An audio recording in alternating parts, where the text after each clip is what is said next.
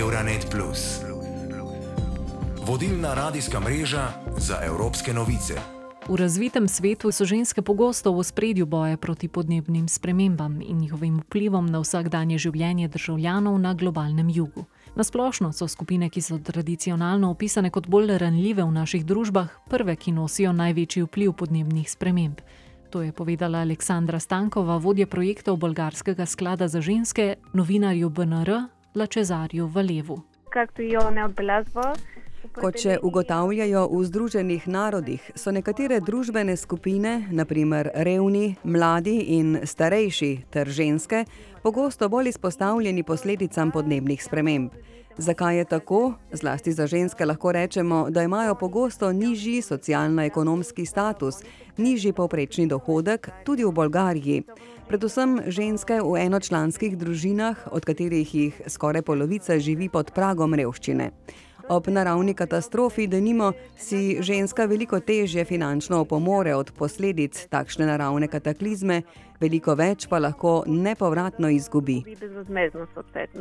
Poleg tega ženske ostajajo v večini, ko gre za skrbstvene vloge. Kot medicinske sestre ali matere bodo pogosto skrbele za in celile rane, ki jih je zadalo spreminjajoče se podnebje. Lačezar je obiskal tudi bolgarsko rudarsko regijo, kjer so v krvi otrok, ki so razvili motnje povezane z avtizmom, našli težke kovine. Rada Elenkova, programska vodja bolgarskega ženskega sklada, je pojasnila, da za te otroke skrbijo njihove matere. Obstaja veliko dejstev, ki izpostavijo povezavo med podnebnimi spremembami in neenakostmi med spoloma. Eno takih je onesnažen zrak na območju bolgarskih občin Karlovo, Sopot, Čelopeč, Pirdop in Zlatica, ki je posledica rudarske industrije v regiji in vpliv te onesnaženosti na zdravje otrok. Najbolj prizadete so matere otrok s posebnimi izobraževalnimi potrebami, ki obiskujejo družinske centre. Pravijo, da so teste za težke kovine v krvi otrok naredili po priporočilu specialistov. Izkazalo se je, da so ravni težkih kovin izjemno visoke, kar je po mnenju strokovnjakov naprimer eden od vzrokov za različne motnje v avtističnem spektru. Pravzaprav je njihova skrbstvena vloga še en vir neenakosti in to pojasnjuje, zakaj ženske podnebne spremembe bolj prizadenejo kot moške, pove Tjaša Franko, članica uredništva spol.si, neodvisnega medija, ki se osredotoča na tematiko spolov recimo v ekstremnih vremenskih razmerah, kot so suše in poplave, ženske delajo več, da lahko zagotovijo preživetje svoje družine, istočasno pa se tudi povečuje čas opravljenega neplačenega skrbstvenega in gospodinskega dela. Tega pa večini zopet opravljajo ženske. Zdaj, zaradi slednjega veliko deklic zastaja od pouka, ženskam pa ostane manj časa za usposabljanje in izobraževanje. S tem pa imajo tudi manj možnosti do prejema višjih dohodkov, se pravi, gre za nek začaran krog. Poleg tega pa ljudje zaradi samih podnebnih sprememb so izpostavljeni tudi izgubi domov. Zdaj, ženske, ki zapustijo domove, so pogosteje kot moški izpostavljene nasilju. Podnebne spremembe samo poudarjajo že obstoječe neenakosti in diskriminacije, pojasnjuje Erika Moranduco, prostovoljka italijanske podnebne mreže za oddelek podnebje in pravice ter raziskovalka mednarodnega prava človekovih pravic na Univerzi v Licu, s katero se je pogovarjala Giulia Canicaro, naša sodelavka na Radiu 24 v Milano. Il cambiamento climatico Podnebne spremembe so globoko povezane z vprašanjem spola in s tem z diskriminacijo na podlagi spola, torej z neenako obravnavo moških in žensk, saj naj bi bile podnebne spremembe same po sebi diskriminatorne. To pomeni, da vplivajo na že obstoječe težave, kot je diskriminacija na podlagi spola, torej če ženska že živi v okolju, kjer jo njene pravice ali njen socialno-ekonomski status postavljajo v manj vredni položaj v primerjavi z moškim, kjer ima manj dostopa do finančnih virov, ima manj dostopa skratka do človekovih pravic in je zaradi te ranljivosti še bolj ranljiva, kar se tiče posledic podnebnih sprememb. V EU med zelo ranljive skupine spadajo starši samohranilci. Leta 2020 je bilo po podatkih Evropskega statističnega urada Eurostat približno 14 odstotkov gospodinstev samohranilskih. 11 odstotkov so predstavljale matere samohranilke. Novinarki Radia Renesanca na portugalskem Kristini Lascimento je ustanoviteljica Združenja ženske za podnebje Suzana Vizu medtem povedala, da ženske kljub večjemu vplivu na družbo niso v dovoljšni meri zastopane v odločevalskih vlogah. Isto je reconhecido pelas próprias Nações Unidas. Združeni narodi sami priznavajo, da imajo ženske organizacije veliko večji učinek in vpliv na družbo kot druge organizacije, saj dejansko prinašajo spremembe.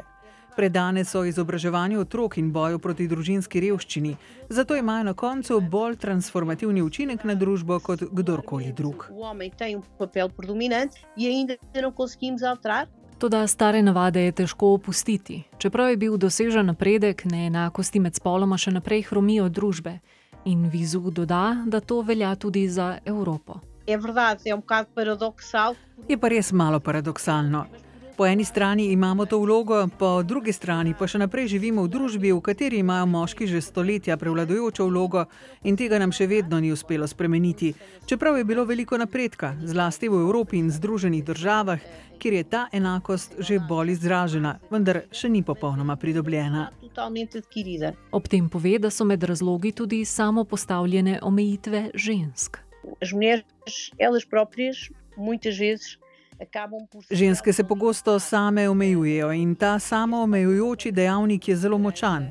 Da se to ne bi zgodilo, je treba z dekleti delati že od malih nog, da ustvarimo ta voditeljski duh in da se počutijo udobno, ko zahtevajo svoje mesto in vlogo na vodstvenih položajih.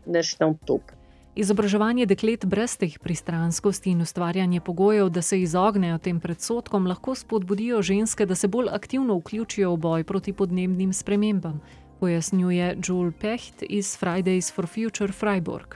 V njeni organizaciji so ženske v ospredju protestov za podnebno pravičnost, je pojasnila nemški kolegici Sini Volgram. Und ich habe auch das Gefühl, das kommt schon auch so von einem Čutim tudi, da to izhaja iz občutka slišanosti, ki ga nimaš v vseh kontekstih, sploh kot oseba, ki je bila socializirana kot ženska.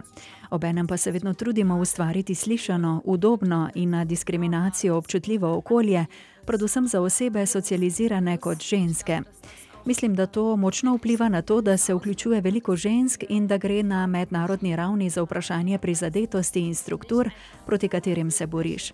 Na vse zadnje se ne želimo boriti samo proti povečanju oglikovega dioksida, ampak tudi proti zgodovinskim strukturam, ki imajo kolonialno preteklost in imajo tudi patriarhalno preteklost.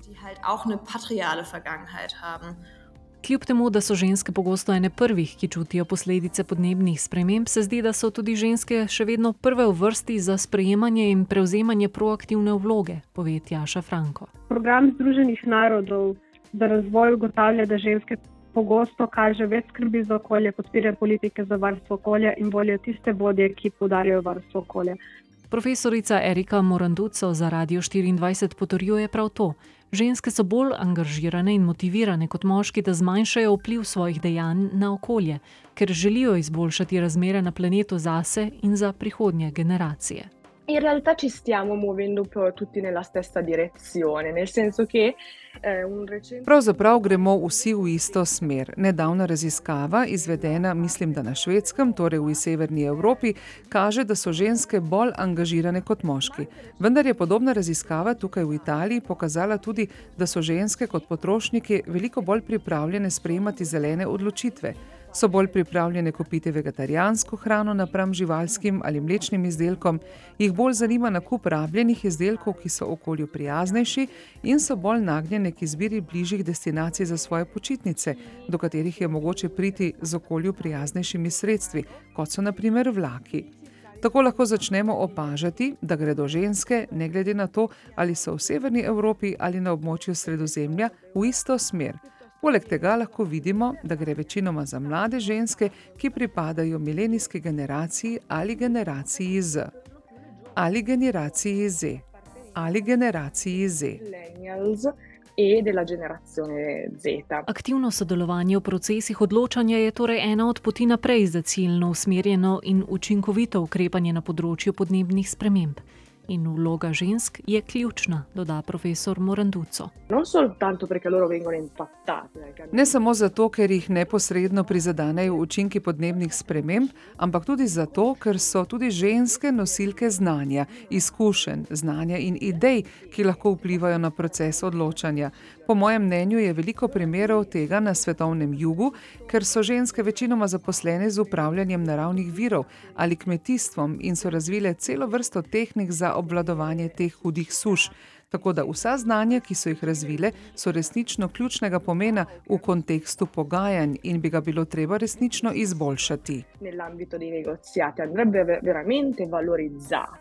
A pot do tja je še dolga, predstavnica Ministrstva za okolje in prostor Tina Kobilšek. Velik izziv je participacija deklic in žensk pri oblikovanju podnebnih politik in ukrepov. Recimo tudi na podnebni konferenci v Šarem el-Šejku v Egiptu so glavni pogajalci bili pretežno moški, samo okoli tretjina vseh udeleženih je bila ženska. Ženske se torej morajo še vedno boriti proti družbenim predsotkom, da bi imele besedo pri oblikovanju in razvoju zakonov in orodij za spopadanje s podnebnimi spremembami. Toda podnebni aktivizem ponuja tudi zelo obetaven korak v tej smeri. Euronet Plus za boljše razumevanje Evrope.